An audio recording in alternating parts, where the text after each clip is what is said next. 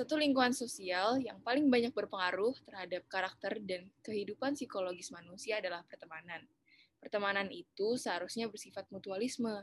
Jika hanya menguntungkan satu pihak saja, bisa jadi itu mengarah pada hubungan yang negatif dan merugikan. Hai Spartans, welcome back to our podcast. Quick info nih teman-teman untuk episode 5 dan episode 6, topik yang kita angkat itu adalah toxic relationship. Nah, di episode kali ini kita akan ngebahas tentang toxic friendship.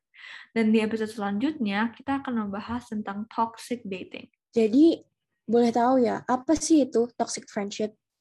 Toxic friendship itu adalah pertemanan yang tidak mendukung. Jadinya selalu memberikan dampak negatif ke hidup kita dan merugikan diri kita sendiri. Oke, okay, thank you Jov tadi buat definisinya. Sekarang kita langsung masuk ke ciri-ciri pertemanan toksik. Ciri-ciri pertemanan toksik yang pertama adalah memanfaatkan. Kalau kalian nemu nih teman kalian yang memanfaat, memanfaatkan, gimana sih memanfaatkan itu? Misalnya dia datang pas nanya tugas doang atau pas kerjain PR, tapi pas kita butuh dia untuk si sesimpel ngobrol dia malah nggak balas atau nggak nanggepin. Hanya datang di saat tertentu saja. Pas lagi butuh teman doang, kalau nggak butuh, dia nggak ada buat kita. Boleh, Klar? Um, next, ciri-cirinya? Kalau dari yang aku lihat ya, salah satu ciri pertemanan toksik itu di saat satu sisi itu selalu pay, play the victim kayak selalu bikin temennya rasa bersalah, rasa guilty. Biasanya itu hal itu bisa terjadi kalau pertemanan kita itu selalu diarahkan ke vibes yang negatif yang kayak diajak-ajak ribut gitu sih. Jadi kita di gaslight untuk melakukan hal-hal yang kita tidak diinginkan. Misalnya kayak minum-minum keras atau ngerokok. Terus kalau kita bilang enggak, dibilang kita tuh sebenarnya a bad friend. Terus ini bisa ke satu sama lain ya dan juga bisa terlihat kalau dalam pertemanan ini itu orang orang-orangnya nyakitin satu sama lain secara emosional kayak tadi atau even secara fisik. Jadi ekstrimnya itu pukul-pukulan kan atau ah, kayak bahkan kayak gue pernah lihat uh, ada orang yang kayak nonjok-nonjok gitu. Terus kok kita itu kayak bingung kalau orangnya itu baik atau enggak. Soalnya bisa aja mereka two faced kalau udah sampai abuse kayak gitu tapi masih bertemanan waduh itu kayaknya udah parah banget udah terlalu toxic. Gimana Jov menurut kamu? Iya sih pasti kalau itu nggak enak banget tuh kalau pertemanan yang selalu um, guilt trip playing victim itu uh greget banget ya ngeliatin kayak misalnya satu temen kayak jadinya dimanipulasiin gitu um, di kayak ngerasa dibohongin gitu. Kayak modelnya um, misalnya temennya emang dia nggak mau ngelakuin hal-hal yang kayak buruk yang negatif. Tapi karena dibilang kayak nggak seru ih malas gue temenan sama lu kok gitu doang nggak mau. Itu pasti kan rasanya kalau punya teman sendiri digituin kan nggak enak ya. Habis itu jadi kayak udah di guilt trip misalnya udah selesai di guilt trip kitanya ngerasa nggak enak dimanipulasiin deh. Kayak udah sih kayak gini aja nggak apa-apa kok. Eh, nggak uh, bakal efek negatif-negatif. Akhirnya kitanya terjerumus ke hal-hal negatif. Habis itu juga kalau ngomongin manipulasi ya um, ini pasti kalau misalnya toxic friendship kemungkinan ada banget sih. Kayak suka bohong tuh. Apa kayak membuat kayak karangan-karangan yang kayak sebenarnya nggak pernah terjadi gitu ya. Iya nggak sih? Kayak memutarbalikkan fakta yang kayak sebenarnya itu kayak kita nggak pernah ngakuin itu tapi kok kalau dia yang ngomong jadi nyambung kayak ke situ ya? Ya nggak sih kak Devin? Ya setuju banget sih. Manipulatif. Bohong bohong itu masuk kayak salah satu cara untuk memanipulasi orang. Setuju banget sama poinnya Jovita tadi Terus um, kalau aku pribadi aku mungkin mau nambahin ya. Toxic friendship itu berhubungan gimana kayak Iya. um, toxic friendship itu misalnya nih kamu curhat sama ini satu orang ini yang kamu rasa tadinya nyaman teman atau gimana terus tapi dia nggak bisa dipercaya gitu. Dia nggak bisa pegang omongan setelah kamu curhat atau mm, menceritakan suatu rahasia yang kamu sebenarnya pengennya dia aja yang tahu gitu. Dia bocorin rahasia kita ke orang lain. Contohnya itu kayak yang kasus close friend itu loh guys. Iya. Kalian itu kan dia gimana ya? Bisa dibilang menurut kalian gimana tuh? Kalau menurut aku mungkin dia hanya salah pilih teman dia tadinya dia dia kira oh ini orangnya bisa jaga rahasia eh ternyata ternyata dibocorin juga gitu sampai satu Indonesia tahu Waduh. Kalau gitu sih sebenarnya nggak nggak tahu juga ya kalau misalnya mau disalahin sisi yang mana karena satu sisi apa yang uh, satu kurang untuk milih teman, nggak bener-bener nyaring teman dekat yang mana atau enggak satu sisinya yang itu tadi um, suka di depan doang baiknya ternyata di belakang ngomongin gitu. Ya, makanya kita juga mungkin ya guys harus berhati-hati juga posting sesuatu hal yang bersifat apa ya di social media itu kita harus tetap posting upload hal-hal yang sekiranya nyaman aja gitu loh. Walaupun di teman-teman terdekat. Kalian tahu kan maksudnya? Nah yang dia iya. posting juga ya gitu. Itu sih aku rada juga tapi lebih ke teman yang nggak bisa dipercaya sih kalau dari kasus close friend ini. Terus orang yang terlalu bergantung.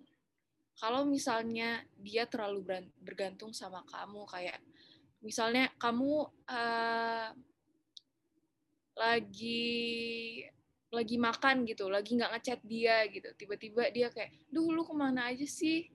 Gue kan butuh lu gini-gini, jangan jangan ngilang dong, jangan apa dong, itu kan terlalu bergantung ya, terlalu bergantung sama kamu, terus merasa terikat sama orang itu, aduh jangan deh, dekat kalau gue rasa kalau temen yang tepat malah dia nggak terlalu pengen lo terlalu apa ya kayak istilahnya ya toxic itu.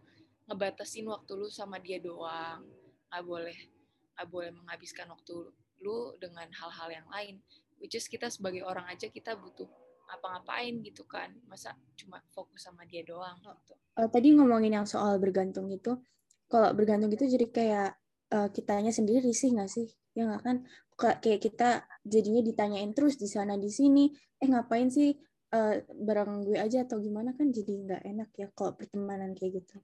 Iya kayak personal space kita itu nggak di nggak dihargain gitu jadi kita merasa kita selalu apa ya dicekam kayak selalu um, kita nggak pernah merasa damai gitu dalam pertemanan kayak gitu. Benar banget tuh tadi poin dari Jovita sama Clara juga ya. Dan sekarang kita tanggepin nih, kenapa kira-kira penyebab orang orang itu yang dibilang sebagai toxic friend bisa seperti itu? Kenapa ya? Faktor-faktornya apa ya? Um, mungkin gue bisa bilang pertama itu trauma. Bisa dari faktor lingkungan sekitarnya.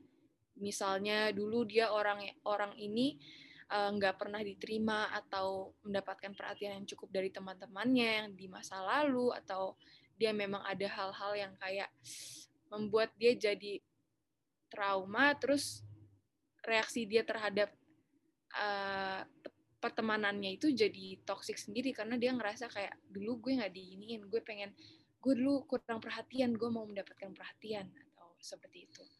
Kalau poin lain mungkin dari Jovita? Hmm, mungkin uh, setelah trauma juga ada kayak ini masih nyambung ke trauma sih, tapi mungkin kayak ada past masa lalu yang mungkin dia nggak pengen ingat atau hmm. mungkin um, dia uh, ngerasain sendiri gitu, gituin. Jadinya dianya udah ngerasain diri sendiri mungkin nggak bisa ngehandle dengan baik nggak ada yang bisa diajak ngomong akhirnya dia yang gituin orang lain kayak mungkin banyak nih kasus nih yang kayak dianya dulu dibully gitu.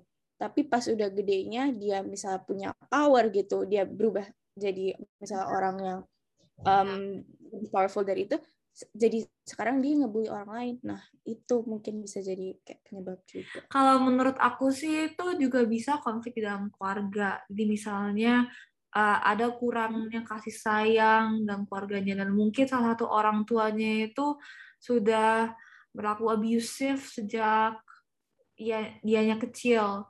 Jadi kan biasanya kan kalau misalnya kalau anak-anak itu kan suka meniru orang tuanya kan dan uh, tingkah lakunya. Ya, jadi mungkin dari, sejak kecilnya sudah dididiknya tuh kayak gitu like this is how you treat a person. Jadi dia belajarnya kayak gitu terus juga seperti itu. Benar banget salah persepsi hidup jadinya. Iya, beneran salah persepsi hidup ya, benar betul. Jadi kita juga harus menanyakan pertanyaan yang sangat penting, siapa sih sebenarnya yang dirugikan? Nah, kalau kita fokus ke orang-orang dalam pertemanan itu, bisa aja salah satu doang yang disakiti. Jadi satu satu orang dimanfaatkan, digaslah, diposesifin, dan hal segala itu oleh teman lainnya. Jadi jadi ada the abuser and the victim. Dan kalau kayak gitu emang abusernya harus dijauhi menurut aku. Tapi menurut aku juga bisa dua-duanya dirugikan. Jadi hubungannya negatively two-sided, di mana dua-duanya itu jadi toxic kalau mereka didekatkan ke satu, ke satu sama lain. Mungkin mereka memang orang yang baik, tapi mereka emang sama-sama nggak cocok. Jadi they have to be separated. Tapi menurut kalian gimana? Misalnya Kak Devin, what do you think? Yang dua-duanya dirugikan. Nah, menurut aku buat yang dua-duanya dirugikan ini, kalau misalnya emang sama-sama ngerasa toksik buat satu sama lain, karena ada loh ngerasa kayak ya emang gak cocok aja ya gitu kan Kar. Jadi mendingan ya emang pisah gitu daripada berantem terus atau yang ada malah jadi saling nyerang satu sama lain dan jadi nggak sehat kan hubungan pertemanannya. Jadi mendingan coba cari pertemanan yang di kecocokannya masing-masing gitu. Iya nih, kalau dilihat banyak banget orang ya yang kayak mereka udah merasa gitu pertemanan ini udah nggak benar ini udah toxic banget tapi nggak rela buat ngepisahin ya nggak sih habis itu jadi kalau gimana sih cara kita untuk ngerelain pertemanan itu cara ngatasin toxic friendship biar udah cukup di situ.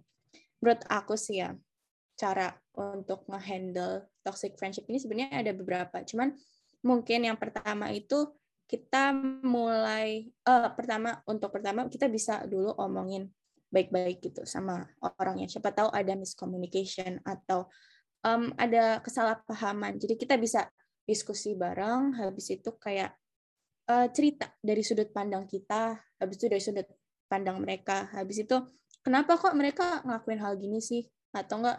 Dia mereka juga nanya kenapa kok kita kayak gini? Atau mungkin kita pernah berubah yang mereka rasa gitu kan? Karena orang kan pasti berubah terus ya. Jadi kita nggak tahu mungkin mereka ngerasa kita berubah atau emang kita individual itu juga udah berkembang jadi diri kita masing-masing. Jadi kayak mungkin dulu pertemanan itu klik udah serak tapi di sekarang ternyata udah beda gitu. Gimana nih? Ada pendapat tentang opini ini? Um, untuk cara mengatasinya lagi mungkin aku bisa tambahin untuk orang-orang yang gak enak kan atau nggak bisa straight to the point untuk hmm, jujur ya? kalau oh dia nih kayaknya nggak bisa nih dijadiin teman baik buat gue mendingan kamu coba cari alasan atau nggak apa-apa sih menurut aku kayak menyibukkan diri aja buat alasan untuk menghindar atau nggak bisa bertemu dengan orang itu. Karena dengan menghindar itu dengan menyibukkan diri kamu juga jadi nggak terlalu fokus kan ke dia lagi. Jadi bisa mengurangi toksiknya itu. Terus yeah. perlahan tapi pasti mungkin ya Jov perlahan tapi pasti nggak usah langsung kayak oh mutus oke okay, nggak bisa nih. Pelan-pelan aja dulu step by step menjauh dari si toxic friend ini. Terus mungkin untuk yang juga uh, bisa jadi sih yang tadi sempat Jovita sempat uh, kasih contoh kasus kayak oh dulu itu dia misalnya teman SD gue dari SD kita udah sahabatan gini-gini terus waktu SMP tuh sempat ada konflik bla bla bla atau kayak mungkin misunderstanding aja gitu jadinya toxic. Bisa tuh dievaluasi berdua sama-sama saling iya sama-sama saling evaluasi untuk kayak eh kayaknya maaf atau kayak saling maaf-maafan lagi coba kita lihat di rundown lagi masalahnya apa terus bisa masih bisa diselesain nggak? Kalau masih bisa diselesain ya selesain baik-baik kalau enggak ya udah. Berarti emang bukan bisa coba mengulang pertemanan dari start jadi jangan langsung lanjut tapi kayak kita coba kenalan lagi gitu. Ya, evaluasi pertemanan. Terus juga mungkin kalau evaluasi lebih kalau kayak kalau misalnya nih uh, emang nih orang emang udah toxic gitu ya. Coba saring pertemanan kalian deh yang te lebih tepat dan berdampak positif buat diri kalian. Nah, jadi sebenarnya aku belum pernah punya temen yang toxic. Tapi menurut aku dengan setiap masalah itu it's good untuk curhat juga ke keluarga yang kita percayai. Apalagi yang lebih tua dan dewasa kan punya pandangan hidup yang lebih luas gitu kan. Jadi menurut aku itu mereka bisa kasih saran ke kita kalau kita itu terasa nyasar banget gitu dalam masalah kita. Terus uh, terus juga ingat kalau di podcast ini itu kita bukan train psychologist ya. Jadi kalau yang lagi dengar podcast ini beneran uh, jadi sorry. Jadi kalau yang lagi dengar podcast ini itu beneran merasa kalau pertemanan kamu itu badly badly affect your mental health. Jadi aku hmm. saranin kamu itu ketemu dengan psikiater atau psikolog atau konselor gitu. Jadi it's good to practice asking for help manfaatnya akan banyak banget dari kesadaran aja kalau kamu butuh bantuan. Gitu sih menurut aku, dari aku. I think sekian perbincangan kita membahas tentang toxic friendship. Semoga bermanfaat buat kita semua. Kita sendiri termasuk ya bertiga ini. Dan uh, makasih sudah mau mendengarkan podcast kita kali ini. Maaf kalau ada salah kata dan salah ucap. Jangan lupa juga buat follow Spartacast di Spotify, dengerin podcast podcast podcast kita yang lain. Terima kasih. See you in the next episode, Spartans.